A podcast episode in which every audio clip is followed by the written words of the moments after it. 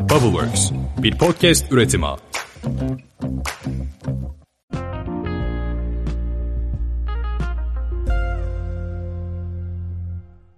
Herkese selam. Ben Dilara. Bugün sizi biraz acıktıracak bir bölüm yapacağım. Bu arada biraz hastayım. Sesim bir tık hasta gelebilir. Şimdiden hepinizden özür diliyorum. Öncelikle izin verirseniz kruvasanımdan bir ısırık almak istiyorum.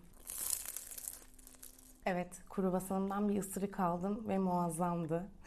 Nedir bu kruvasan ya? Her yerde açıldı. Çikolatalısı var, bademlisi var. Geçen gittiğim kafede limonlusunu yedim. Hani hepsi de harika ama benim favorim her zaman sade olanı. Geçenlerde düşünüyordum. Yani Türkiye'de de bayağı yayılmaya başladı. Bilmiyorum tabii Anadolu'da nasıl ama İstanbul'da kruvasan dediğin zaman sadece kruvasan yapan yerler var. E tabii şimdi bunu düşünmemin bir sebebi de bugün size başka bir yerlerden sesleniyor olmam. Bu bölümü size evimdeki salonumdan yayınlamıyorum. Bu sefer başka bir yerden yayınlıyorum. Ama bunu bölümün sonunda söyleyeceğim. Peki bu bir Fransız lezzeti olarak bilinen kruvasan nasıl yapılıyor? Şimdi kruvasan deyince aklımıza hemen Fransız mutfağı geliyor. Böyle Fransızca kelimeler uçuşuyor. Emily in the Paris gibi bir dizi hayal ediyoruz. Sanki o sokaklarda yürüyoruz. Sonra güzel yanında bir latte ya da cappuccino. Puf puf görüntüsüyle iştahları açan, mis gibi tereyağı kokusuyla elinize aldığınızda tereyağının elinize bulaştığı hafif yağlı dokusu, en tok insanı dahi acıktıran, tatlı severlerin çikolatalısını tercih ettiği, tuzlu sevenlerin sandviç gibi peynirle yediği nefis kruvasan nereden geliyor ya? İsterseniz bölümü durdurun. Kendinize en yakın kruvasancıdan kruvasan sipariş edin, kahvenizi demleyin ve bölüme devam edin derim. Siz bilirsiniz. Sonra acıktık demeyin bana. Ay bir dakika bir ısırık daha alabilir miyim?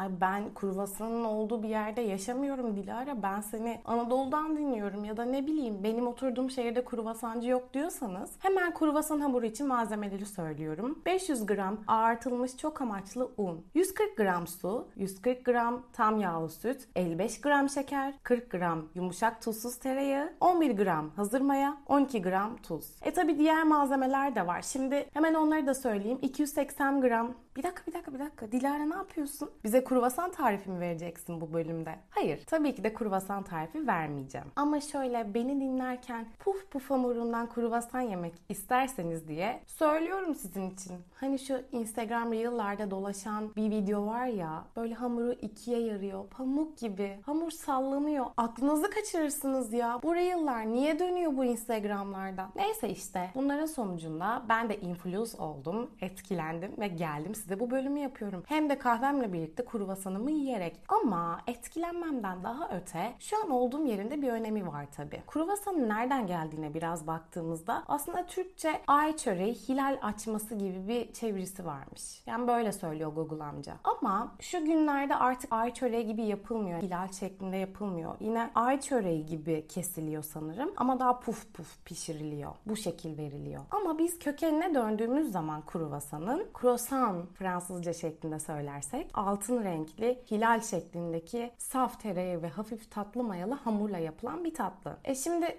Uzmanlar kruvasanın Avusturya kifferlerinden büyük ölçüde etkilendiği konusunda hemfikir. Sadece hemfikir değil, bir de bu konuyla ilgili bir şehir efsanesi var. Ama ben hikayemize dönmeden önce biraz daha Fransa usulü kruvasanın tarihine bakmak istiyorum. Bu arada bu kahvaltıların ve kahvemizin yanındaki efsane isim olan kruvasan Fransızca ay anlamına geliyor. Kendisi doyurucu öğünlerin efendisi, kahvenin kadim dostu ve tatlı kaçamaklarının da tam adresi. Evet ben bu konuda bayağı şikayetçiyim. Neyse bulacağız bir çözümünü. Peki en başa dönelim. Kruvasan hayatımıza nasıl girdi? Avrupa'nın birçok şehrinde özellikle de Fransa'da kahvaltılarda mutlaka yeniliyormuş kruvasan ve çeşitleri de değişiyormuş. En güzeli de kahvenin yanında yeneni. Şimdi peki bunu araştırdığımda gerçekten bu bir tesadüf oldu. Yani nasıl oldu bilmiyorum. Şimdi ben bir seyahat içerisindeyim ve bu seyahatte bol bol kruvasan yiyeceğimi bildiğim için dedim ki şöyle kruvasanla ilgili bir bölüm mü yapsam? Sonra bir araştırırım ki resmen seyahatimle alakalı bir hikayesi var kruvasanın. Daha da ötesinde sadece seyahatimle ilgili değil hepimizle alakalı. Aslında kruvasanın Türk kökenli bir hikayesi var. Benim yapabildiğim araştırmalara göre bunu bir şehir efsanesi olarak anlatacağım ama her kaynakta inanın bu şekilde yazıyor. Buna isterseniz bir şehir efsanesi deyin, isterseniz inanın, isterseniz inanmayın. Ama ben size bugün olduğum yerle buna inanırcasına anlatacağım. Az önce de söylediğim gibi bu vazgeçilmez lezzeti en çok Fransızlar sevmiş ve ülkelerine taşımışlar. Belki Avusturyalılar gibi aşklarını dağlara, taşlara kazımamışlar kruvasan için ama onlar da geri durmamışlar ve Fransa'nın ulusal yiyeceği olarak kabul etmişler kruvasanı. Ben kruvasanımdan az önce bir ısırık daha aldım ses kaydını durdurup. İsterseniz kruvasanınız geldiyse hemen kahvenizi koyun çünkü hikayeye başlıyorum. Aslen reçetesi Avusturya'dan gelen ve şekli Osmanlı sancağından oluşan bu Fransız lezzeti diye bildiğimiz kruvasanın hikayesi geliyor şimdi. Kruvasanın geçmişiyle ilgili biliyoruz ki çok farklı rivayetler var. Ama inanın ki çoğu okuduğum kaynakta bu hikaye yazıyor. Üstelik ben sadece Türkçe kaynakları taramıyorum. Çoğu podcast bölümümü yabancı kaynaklardan da tasdikleyerek hatta çoğu bilgiyi yabancı kaynaklardan okuduğum makalelerle topluyorum. Eğer siz de yabancı kaynaklardan literatür taramaları yapmak istiyorsanız, yabancı videoları izlemek, İngilizceyi çok iyi anlamak, sular seller gibi konuşmanın yanında okuduğunuzu anlayarak işlerinize entegre etmek istiyorsanız size çok güzel bir haberim var.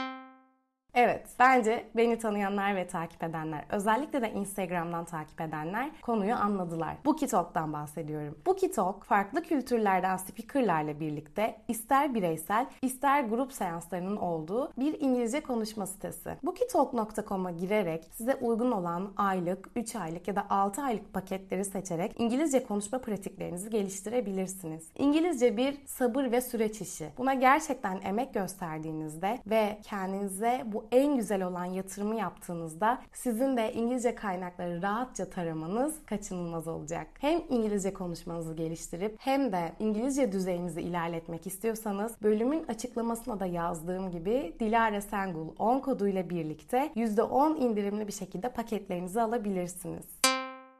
Hikayemize geri dönüyoruz. Söylediğim gibi yabancı kaynaklarda da Türkçe kaynaklarda da bu gerçekten çok yaygın bir hikaye. O zaman hikayemize geçersek tarihler 1683 yılını gösterdiğinde yani Osmanlı ordusunun Viyana'yı ikinci kez kuşattığı tarihi gösterdiğinde Osmanlılar ikinci Viyana kuşatması sırasında şehri ele geçirmek istiyorlar ve surlara top ateşiyle saldırmaya karar veriyorlar. Ama bununla kalmıyorlar. Surların altından da şehre doğru doğru ilerleyen bir tünel kazmaya başlıyorlar. Bunun amacı da surların hızlıca düşmesini sağlamak ve şehre ansızın bir baskın yapıp ele geçirmek. Yani Osmanlı'nın planı Avusturya askerlerini beklemedikleri bir şekilde alt etmek. Ancak Osmanlı ordusu geceleri bu tüneli kazarken seslere pek bir çözüm bulamamış olacak ki tünelin kazılma seslerini duyan bazı Viyanalılar olmuş. Geceleri herkes uyurken kimler çalışır? Hmm, bir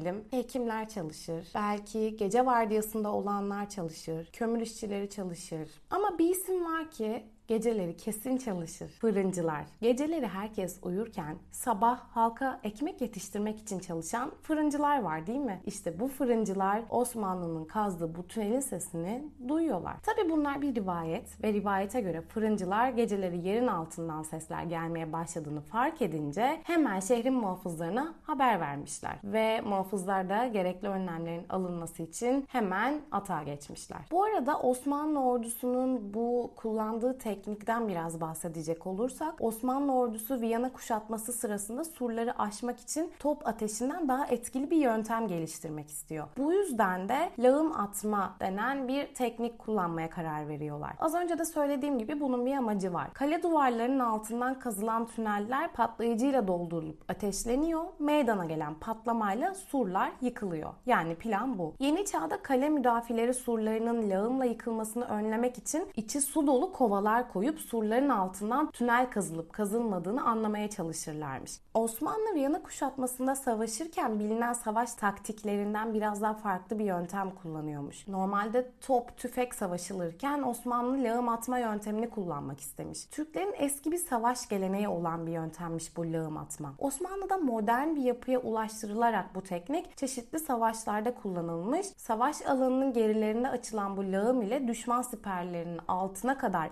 ilerleniyor ve burada patlatılacak bombalarla düşman siperinin yok olması sağlanıyormuş. Osmanlıların kullandığı bu lağım yöntemi ise ne yazık ki az önce anlattığım fırıncılar tarafından tespit ediliyor ve patlatılıyor. Peki o fırıncılar olmasaydı bu senaryo nasıl değişecekti? Osmanlı ordusunun kullandığı bu lağım yöntemiyle şehir surlarına kadar bir tünel kazılıyordu. Patlayıcılar ateşlendikleri anda surları uçuracak olan bu planla şehrin surlarına kadar kazılan tünellerden patlayıcılar ateşlenecekti ve anında surlar uçurulacaktı. İşte plan buydu. Peki nasıl bu plandan, bu taarruzdan Kruvasan'a geliyoruz? Yavaş yavaş hikayenin bu kısmına geçiş yapıyoruz. Tabii ki fırıncıların içindeki vatanseverlik de onları Avusturyalı askerlere koşa koşa gidip durumu anlatmaya itmiş. Ve söylediğim gibi öğrenen askerler de anında atağa geçiyor ve haberi alır almaz lağımı patlatıyorlar. Osmanlı ordusu için büyük bir yıkım ve hayal kırıklığı oluyor tabii ki bu atak. Yani lağım tekniği dedin Dilara, onu dedin, bunu dedin. E tarih anlattın, Kuruvasana gel dersen.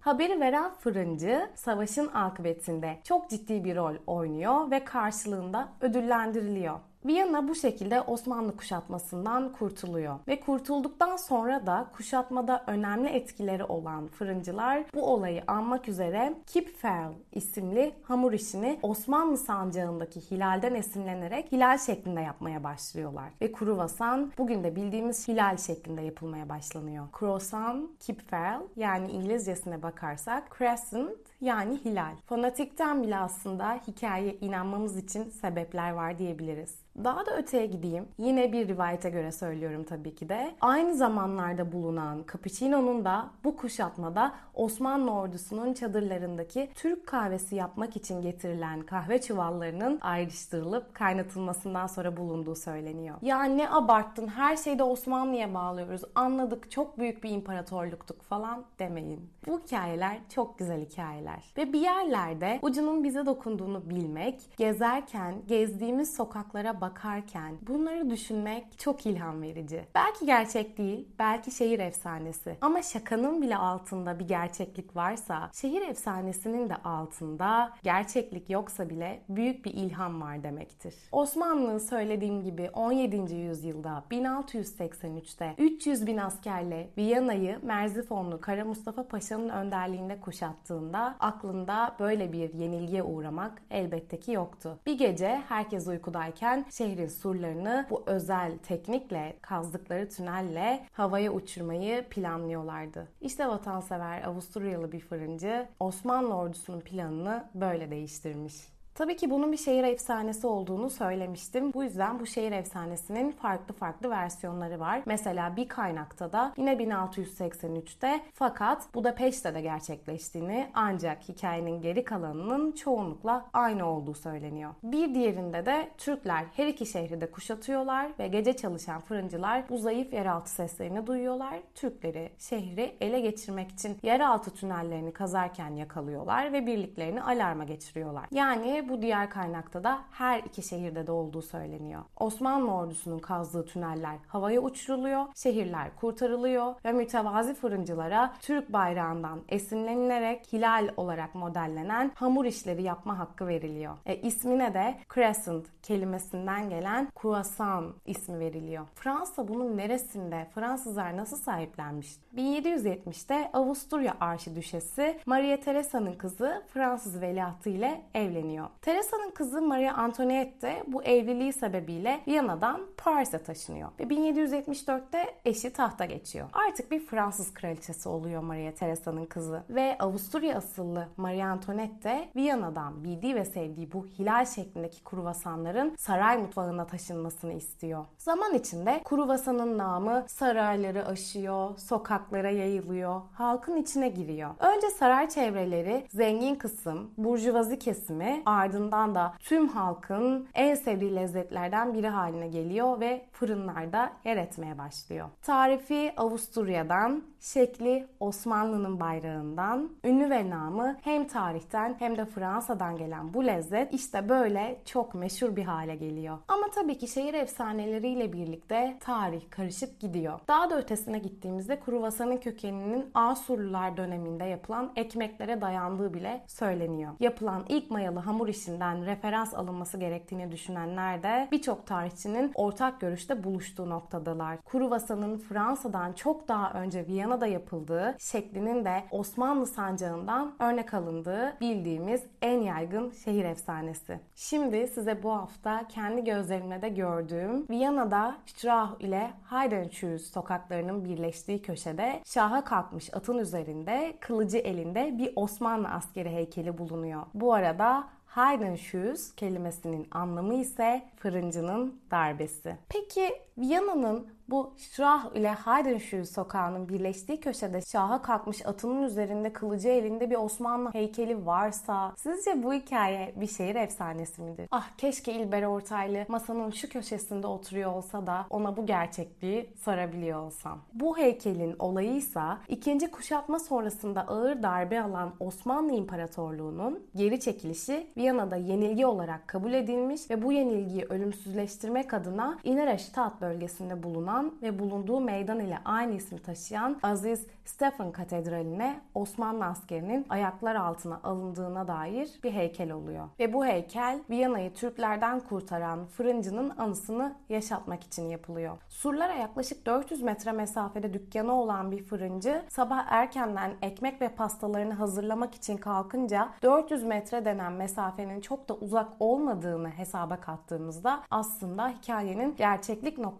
da olabileceği düşünülüyor. Ve Viyana'nın bu zaferinin sonucunda fırıncı Türklere karşı kazanılan büyük zaferi yaşatmak için Osmanlıların sembolü olan hilali kullanarak bir çörek yapmak istediğini, kahvaltıları süsleyecek bu çöreği yapmaya da sadece kendisinin yetkili kılınmasını talep ediyor. Bu nokta biraz şehir efsanesi tabi. Kont Starhemberg fırıncının isteğini kabul ediyor ve böylece Avrupa ülkelerinin kahvaltılarının değişmez parçası olan kruvasan tabaklarımıza bu haliyle geliyor. Biliyorsunuz ki 1. Viyana kuşatması da Avusturya Arşidüklüğü'nün başkenti Viyana'nın 1. Süleyman komutasındaki Osmanlı ordusu tarafından kuşatılıyor ve olumsuz hava şartları ve ordu tedarikliği geciktiği için başarısız oluyor bu kuşatma. Yani bizim okuduğumuz sebepleri bunlar. Bunun sonucunda da kale alınamıyor ve Osmanlı ordusu İstanbul'a geri dönüyor. Ama kaynaklarda geçtiği kadarıyla Osmanlı ordusundan oldukça korkuluyor ve Osmanlı ününü tüm Avrupa'ya yaymış oluyor. Hatta 1. Viyana kuşatmasından sonra Osmanlı Devleti'nin korkusundan Ferdinand'ın şehri terk ettiği de yazılmış. Savaş böyle bir şeydir. Bir taraf kazanır ve bir taraf kaybeder.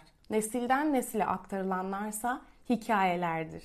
Size bu bölümü Viyana sokaklarından yayınlıyorum. Şimdi gidiyorum. Güzel bir kafeden bir tane sade kuru vasan ve bir tane cappuccino alacağım. Ve Viyana sokaklarında yürürken size bu anlattığım hikayenin gerçekliğini düşüneceğim. Acaba böyle bir şey oldu mu? Fırıncılar bunu nasıl koşarak haber verdi? Bu kruvasan nasıl bana böyle ulaştı? Ve ay çöreği dediğimiz kruvasanın meğer nasıl bir hikayesi varmış? Bir sonraki bölümde görüşmek üzere. Bay bay.